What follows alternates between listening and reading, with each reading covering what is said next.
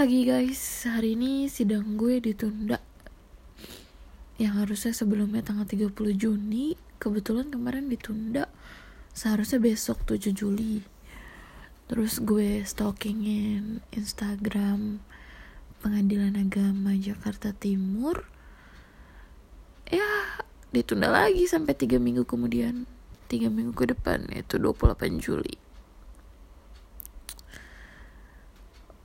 apa pun yang terjadi insya Allah gue tetap maju. Gue gue nggak bakalan mundur. Ini kan cuma karena ppkm doang kan dan gak mungkin lah gue gue nggak ada keinginan buat mundur tuh. Doain yang terbaik ya guys